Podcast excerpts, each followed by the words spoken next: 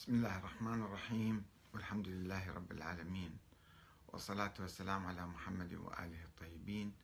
ثم السلام عليكم أيها الأخوة الكرام ورحمة الله وبركاته ومرحبا بكم في برنامج أنت تسأل.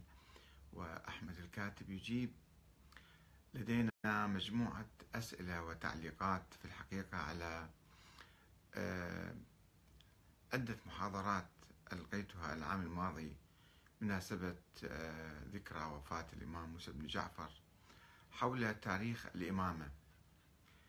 آه، كيف نص الإمام الصادق على ابنه إسماعيل ثم توفى إسماعيل توفي إسماعيل في حياته ثم لم يذكر أحدا من بعده.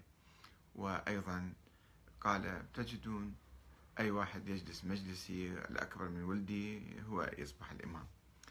فذهب معظم الإمامية إلى ابنه الأكبر عبد الله الأفطح وقالوا بإمامته ثم توفي بعد ذلك بحوالي سبعين يوما بعد أبيه الصادق. آه، فانقسموا عدة فرق وذهب فريق منهم إلى موسى بن جعفر. ولكن موسى بن جعفر نفسه لم يدعي الإمامة ورفض قيادة الشيعة. وإلى ما هنالك من تفاصيل كثيرة في الحقيقة في هذا الموضوع آه، مما ينسف نظرية الإمامة الإمامة الإلهية آه، التي إن كانت من الله آه، فكان يجب أن تكون واضحة كوضوح الشمس وأدلتها قوية وما يحدث فيها اضطراب وما يحدث فيها بداء كما قالوا كانت الأمور يعني مثل النبوة مثل الأشياء الواضحة البديهية. ولكن هذه الأمور آه، لم تكن موجودة لم تكن هكذا. يعني في الحقيقة آه، الذين يعتنقون نظرية الإمامة لا يقرؤون تاريخ التشيع ولا يدرسون تاريخ أهل البيت. ومع الأسف الشديد حتى في الحوزة لا يدرسون تاريخ أهل البيت. تعجبون أنتم الحوزات الشيعية لا تدرس تاريخ أهل البيت. لأنه إذا درسنا تاريخ أهل البيت سوف نكتشف النظريات الدخيلة عليهم والأقوال غير المعقولة التي تنسب إليهم. آه، وبالتالي آه، النظرية المشهورة هي نظرية من صنع الغلاة ومن صنع المتكلمين ولم يكن يعرفها أهل البيت. إنما ناس كانوا بعيدين عنهم آه، ينسجون ما يشاءون من نظريات ومن أفكار وينسبونها إليهم. ثم بعد ذلك في القرون اللاحقة أصبحت هذه الأمور كما ركبت وكما ألفت وكما كونت أنها هذه أشياء بديهية وأشياء مسلمة وأشياء يعني نهائية.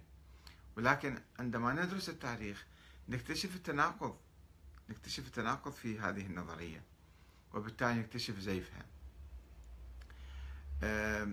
لذلك أنا أدعو الحوزة إلى وضع مناهج قبل ما يدرسوا الفقه ويدرسوا الأصول ويدرسوا علم الرجال يجب عليهم أن يدرسوا تاريخ الإسلام وتاريخ أهل البيت. وطبعا قبل ذلك عليهم أن يدرسوا القرآن الكريم لكي يكتشفوا أنه مثلا هل ينص على موضوع الإمامة أو لا ينص على موضوع الإمامة.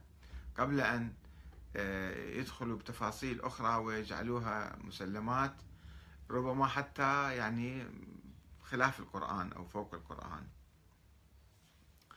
وإحنا الشيعة آه، نأخذ إشكال على بعض أهل السنة خاصة الحنابلة بأنهم يجعلون الحديث أو يسمونه السنة آه، مهيمنة على القرآن. أو حاكمة على القرآن. وإحنا في الحقيقة أيضا نفس الشيء عندنا. نلوم الآخرين على هذا الأمر الفظيع ونحن نقترف نفس الشيء لأننا نتخذ الأحاديث مستندا لعقائدنا آه، قبل القرآن وفوق القرآن ونحكم على القرآن أو ننسى القرآن في الحقيقة. لذلك أنا أدعو إلى دراسة تاريخ الإسلام وتاريخ هذا المذهب الذي ينسب إلى أهل البيت هل ينطبق على حياتهم وتاريخهم أم لا؟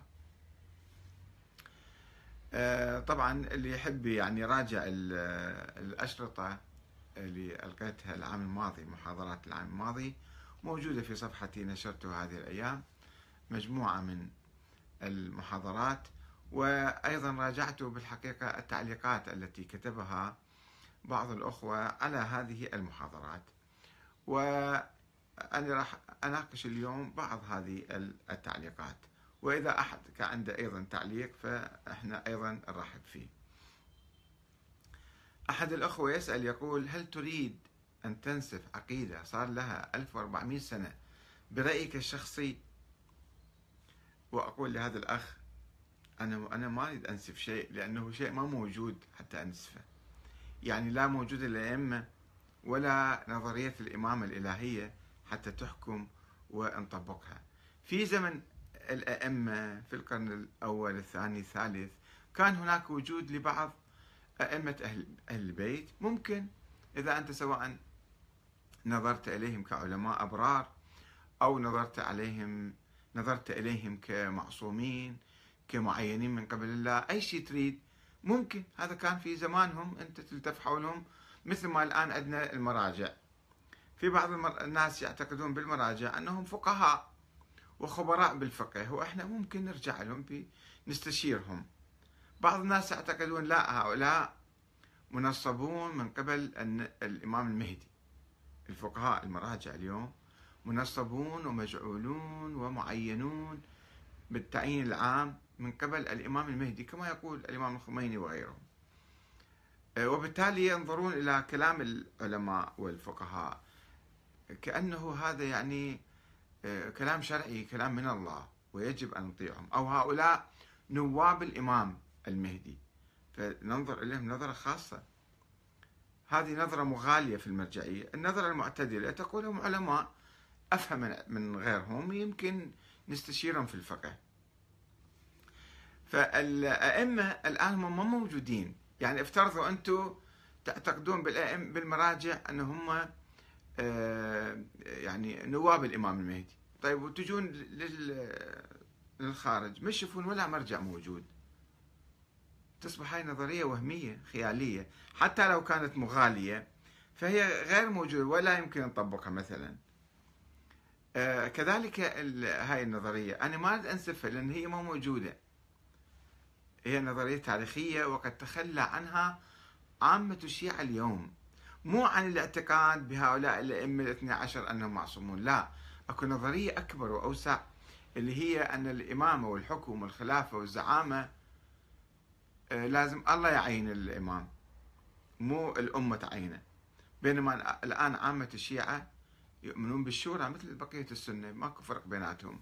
يعني الحاكم ينتخب من الناس. حتى المرجع ينتخب من الناس. الناس اللي يقلدوه يعني ينتخبوه. فيصير مرجع أعلى. إذا أكثر الناس يقلدوه ويسمعون كلامه يصير مرجع أعلى. فأيضا هاي عملية ديمقراطية حتى بالمرجعية عندنا عملية ديمقراطية. و آه، الإسلامية في إيران وجمهورية العراق وكل مكان الآن يوجد شيعة هم يؤيدون الأنظمة الديمقراطية. فإذا لا يوجد إمام من الله معين من قبل الله. فهذا كلام قديم تاريخي. لما تحدثنا عن موضوع السرية وعدم وجود نصوص واضحة وصريحة على أئمة يعني مثلا آه، الإمام الصادق لم يوصي إلى موسى الكاظم. آه، موسى الكاظم قال أنا مو إمام ما تبنى الإمامة أو الصدى إلها. آه، بعض الأخوة قالوا يعني أنت ليش لماذا لم تدرس الظروف الخانقة؟ التي أحاطت بالإمام الصادق والكاظم من قبل الدولة العباسية. طيب يعني الأخ يريد يفترض أنه الأئمة لا كان أكو نصوص موجود طيب هالنصوص الشيعة ما عرفوها. الشيعة ذيك الأيام تلاميذ الإمام الصادق والإمام الكاظم لم يعرفوا هذه النصوص. فإحنا نفترض أنه كان هناك ظروف قاهرة وخانقة منعتهم من الوصية. طيب بالنتيجة يعني مثلا هم الشيعة نفسهم يذكرون.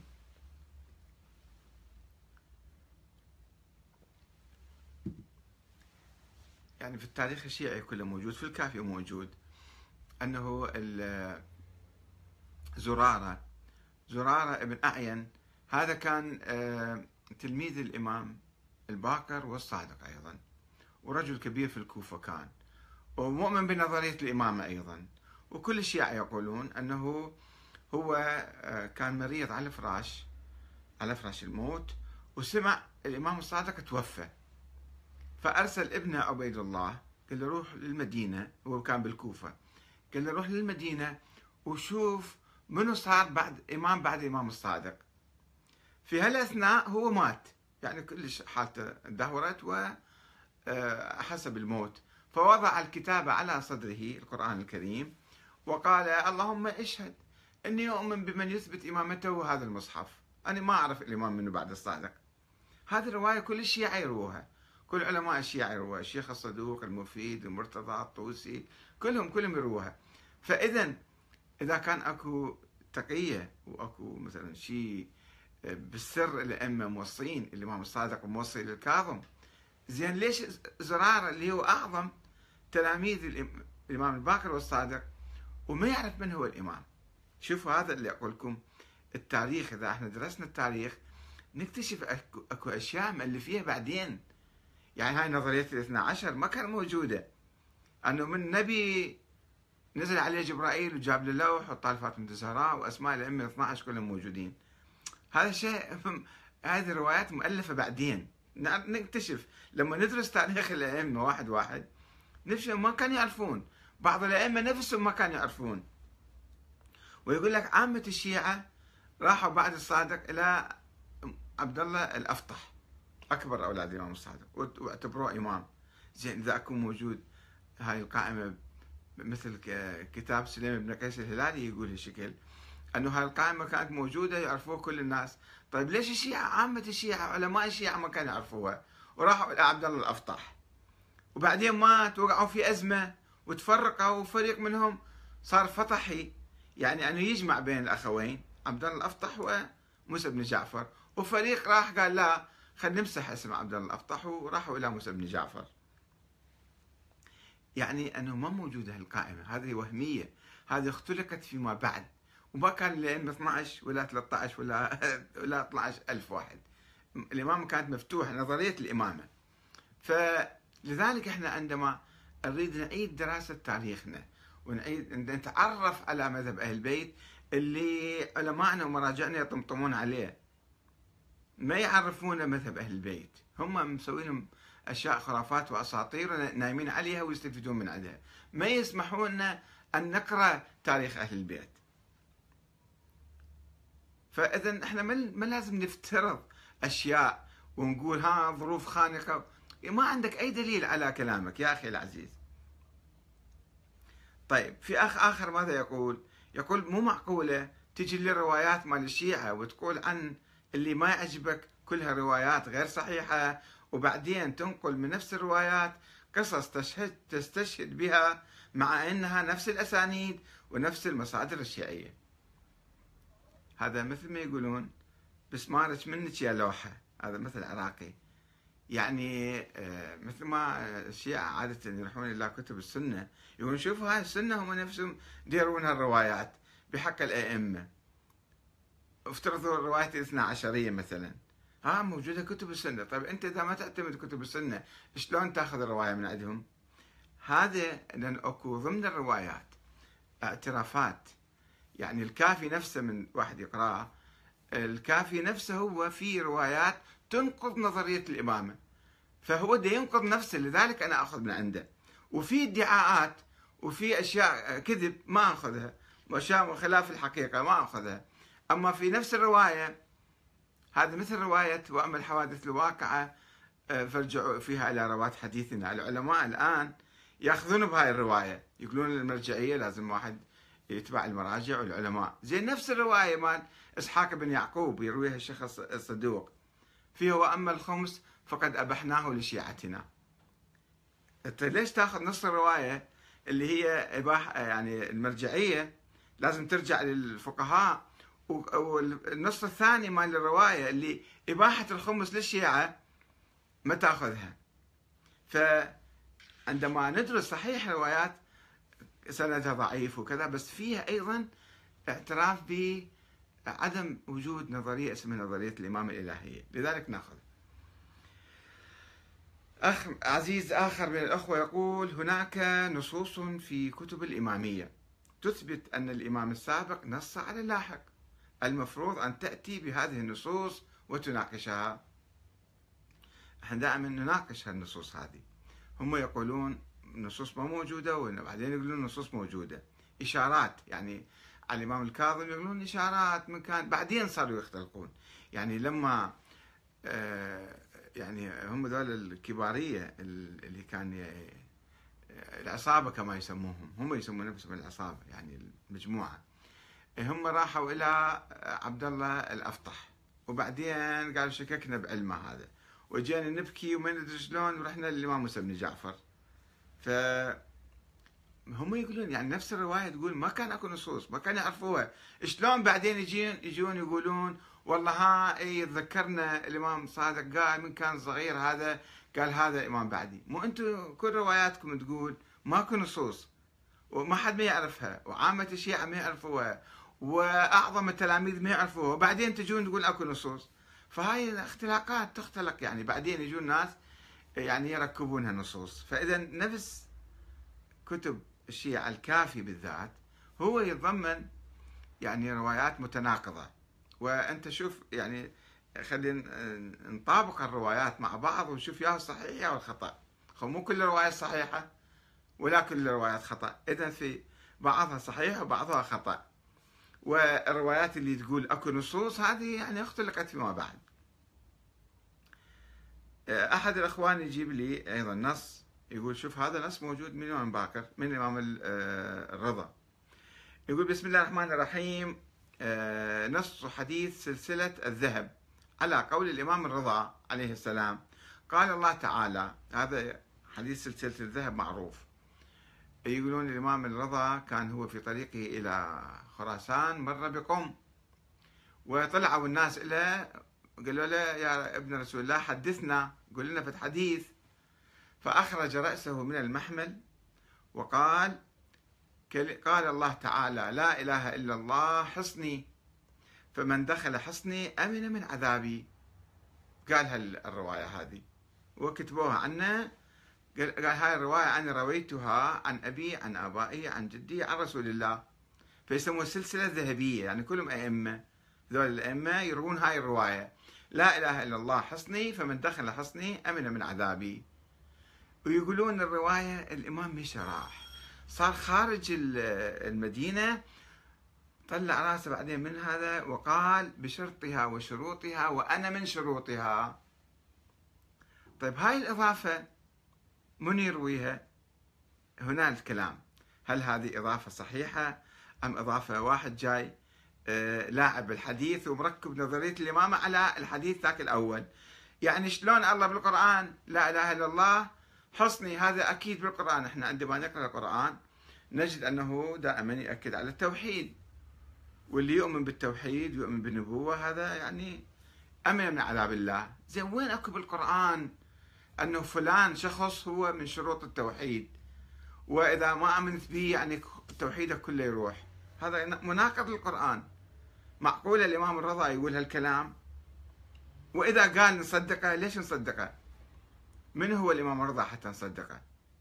هل الإمام الرضا يتكلم خلاف القرآن؟ خلاف النبي محمد؟ النبي محمد لما اجى قال أنه أنا هذه كلمة التوحيد قولوا لا إله إلا الله تفلحوا بشرط أنه تؤمنون بالرضا تؤمنون بالجواد وين قال الإمام النبي هالكلام هذا. فمنين طلع الكلام؟ شلون يدعي واحد؟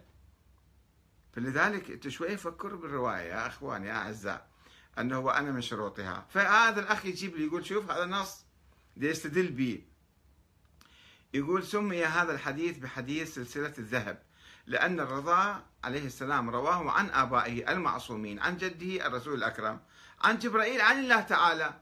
الله دي, دي يقول أنه آه، الإمام الرضا شرط من شروط التوحيد. معقول الكلام هذا؟ آه، وهذا الحديث رواه الصدوق هذا الأخ ده يقول. وهذا الحديث رواه الصدوق صحيح يعني كلامه بس يعني أقصد يعني كلام الأخ ده أنقله في كتابه عيون أخبار الرضا جزء واحد صفحة 144 ومن هذا الحديث الشريف ينكشف يعلق الأخ بعده ينكشف عمق الترابط الوجودي والعقدي الأصيل بين عقيدة التوحيد الإلهي وعقيدة الإمامة الحقة المجعولة إلهيا والمتمثلة بأشخاص المعصومين من الأئمة الاثني عشر ومنهم الرضا نفسه أي الاعتقاد بنصب وجعل الأئمة هو كنه التوحيد ولبه آه، لأن المعصوم نبيا كان أو إمام هو تجلي لحقيقة التوحيد الإلهي في عالم الإمكان عالم ما سوى الله تعالى. والسلام عليكم ورحمة الله وبركاته.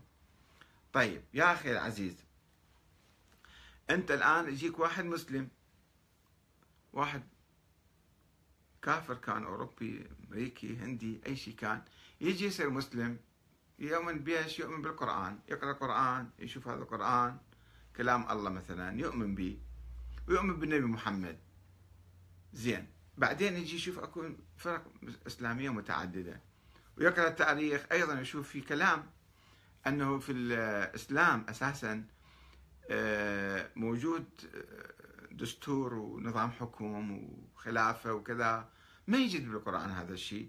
يقرأ القرآن من أول لاخره ما يجد في شيء حديث حول الإمامة.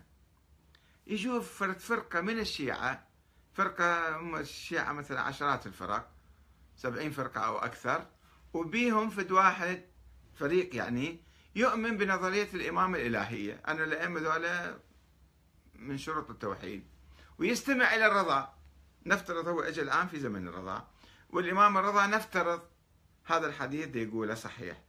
يقول أنه لا إله إلا قال الله تعالى لا إله لا إله إلا الله حصني فمن دخل حصني أمن من عذابي.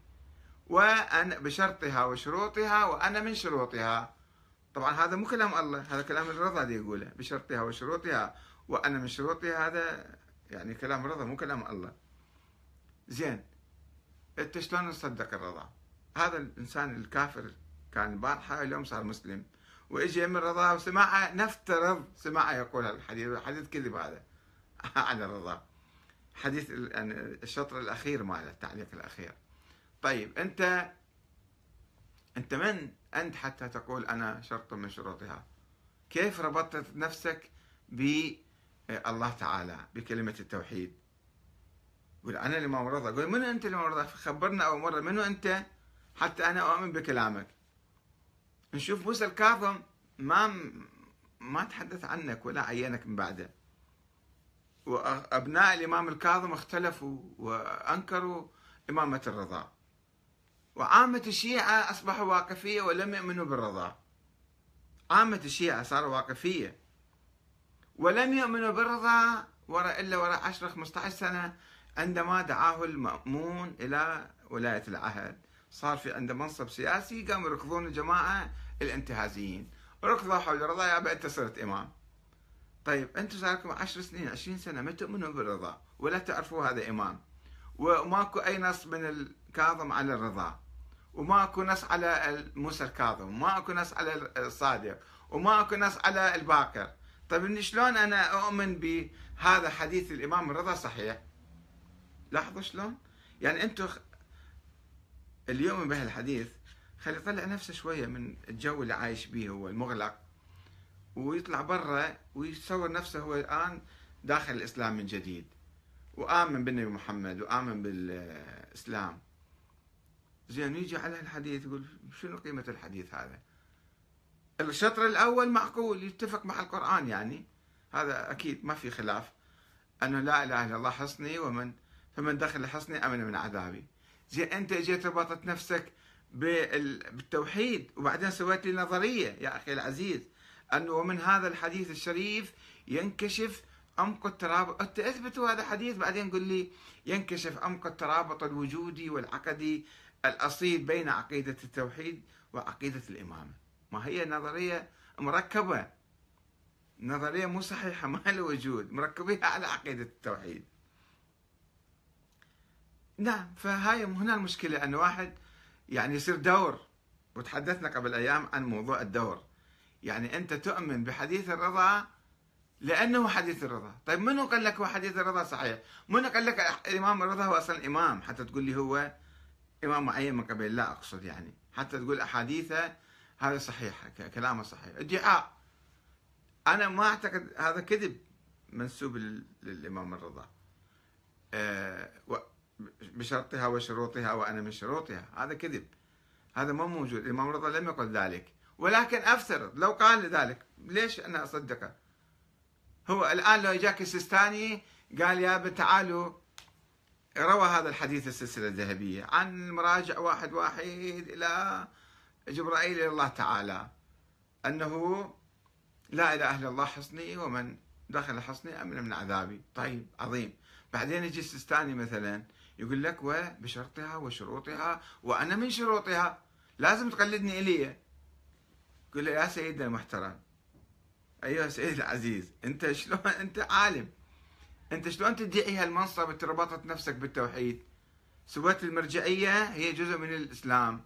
سويت المرجعية أو شخصك الكريم دخلته ب من شروط التوحيد. وإذا واحد ما آمن بيك يكفر هاي معناتها معقولة؟ أكو واحد يقول هالشكل ممكن السيد السيستاني آه، آه، يقول هالكلام.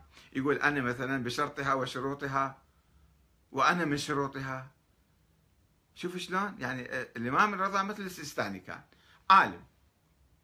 عالم. شلون علماء هسه أنا ما أريد أنقص واحد أو أصعد واحد. يعني أقول هو عالم. علماء أبرار كانوا. علماء.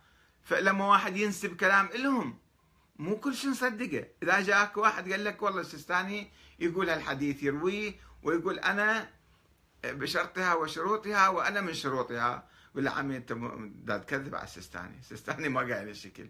ومنين سمعته؟ منين شفته؟ منو قال الكلام؟ فد واحد يروي رواية عن اللي يجي صاحبنا بعض الأخوة يزعلون إذا أجيب اسمه بس هو يصدق هالشكل الأحاديث. أنا انتقد منهج أنا ما انتقد شخصه.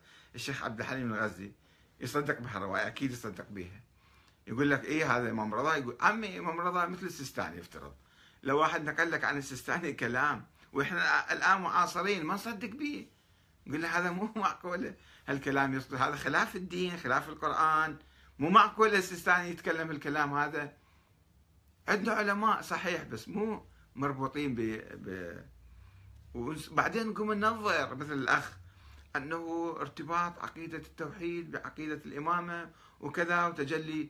هذا كله فلسفة سفسطه تصير هذه. آخر شيء عندنا أخ عزيز يقول حيرتنا أستاذ أربعة أخماس أحاديث الكافي ضعيفة كما تقول. ثم تأتي برواية هشام الجواليقي من الكافي؟ هاي اللي تحدثنا عنها سابقا. هو اللي ينصب موسى بن جعفر يقول رحنا عبد الله الافطاح شفناه ما يفتهم. وبعد ما مات طبعا سوى القصة. هو أول شيء راح لعبد الله الافطاح بعدين لما مات قال هذا شلون حتى يمسحه؟ فشطب اسمه قال هذا أصلا شيء ما كان يفتهم بالبداية. إيه، وكيف تروي آه، آه، تقول أحاديث الكافي أربع اخماسها مو صحيحة؟ وبعدين تجيب هاي الرواية وتحاول أن تنقض بها أصلا من أصول مذهب الإمامية. هل انطلقت من قضية يسلم بها الطرفان؟ أعني جنابكم ومن تعرضون. يا أخي العزيز مو هذا نفس الشيء نفس السؤال الأول اللي الأخ طرحه. أنه هم الإمامية هو الكافي يروي هاي الرواية ويقول هاي صحيحة. طيب هاي الرواية تنسف موضوع الإمامة الإلهية. فشلون بعدين تجي تقول لي أكو إمامة إلهية؟ أنا أقبلها من عندك أنت. هذا يعني مثل اعتراف واحد هو يعترف يقول لك هاي رواية التاريخ الشيعي هذا.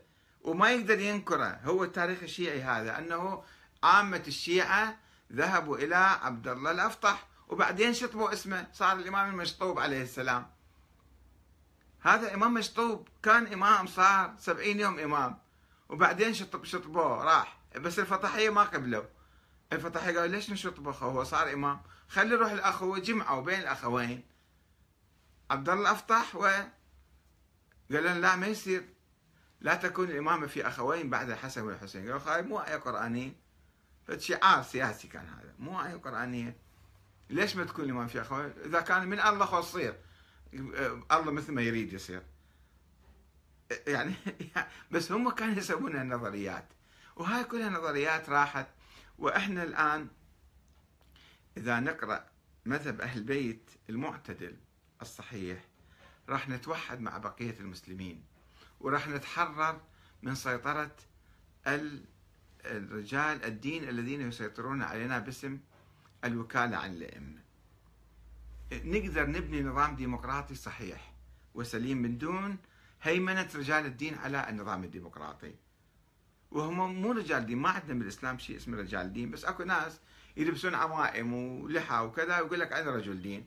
وما ندري ألمه شنو وما ندري تقوى شنو وما ندري وراء شنو. يقول لك أنا خلص أنا نائب الإمام. هذه كل النظريات الاستبدادية التي تكرس الاستبداد كلها جاية من النظريات المغالية المتطرفة التي ضخمت أهل البيت وجعلتهم مرتبطين بعقيدة التوحيد وجعلتهم ذولا معينين من قبل الله وبعدين هم عينوا المراجع والمرجع صار هذا نائب الإمام. هو الحاكم الشرعي هو الذي يجب أن يبت في كل الأمور. وبعدين إحنا شو نصير؟ نصير فرقة خاصة نختلف عن بقية المسلمين ونصير شيعة ونصير سنة.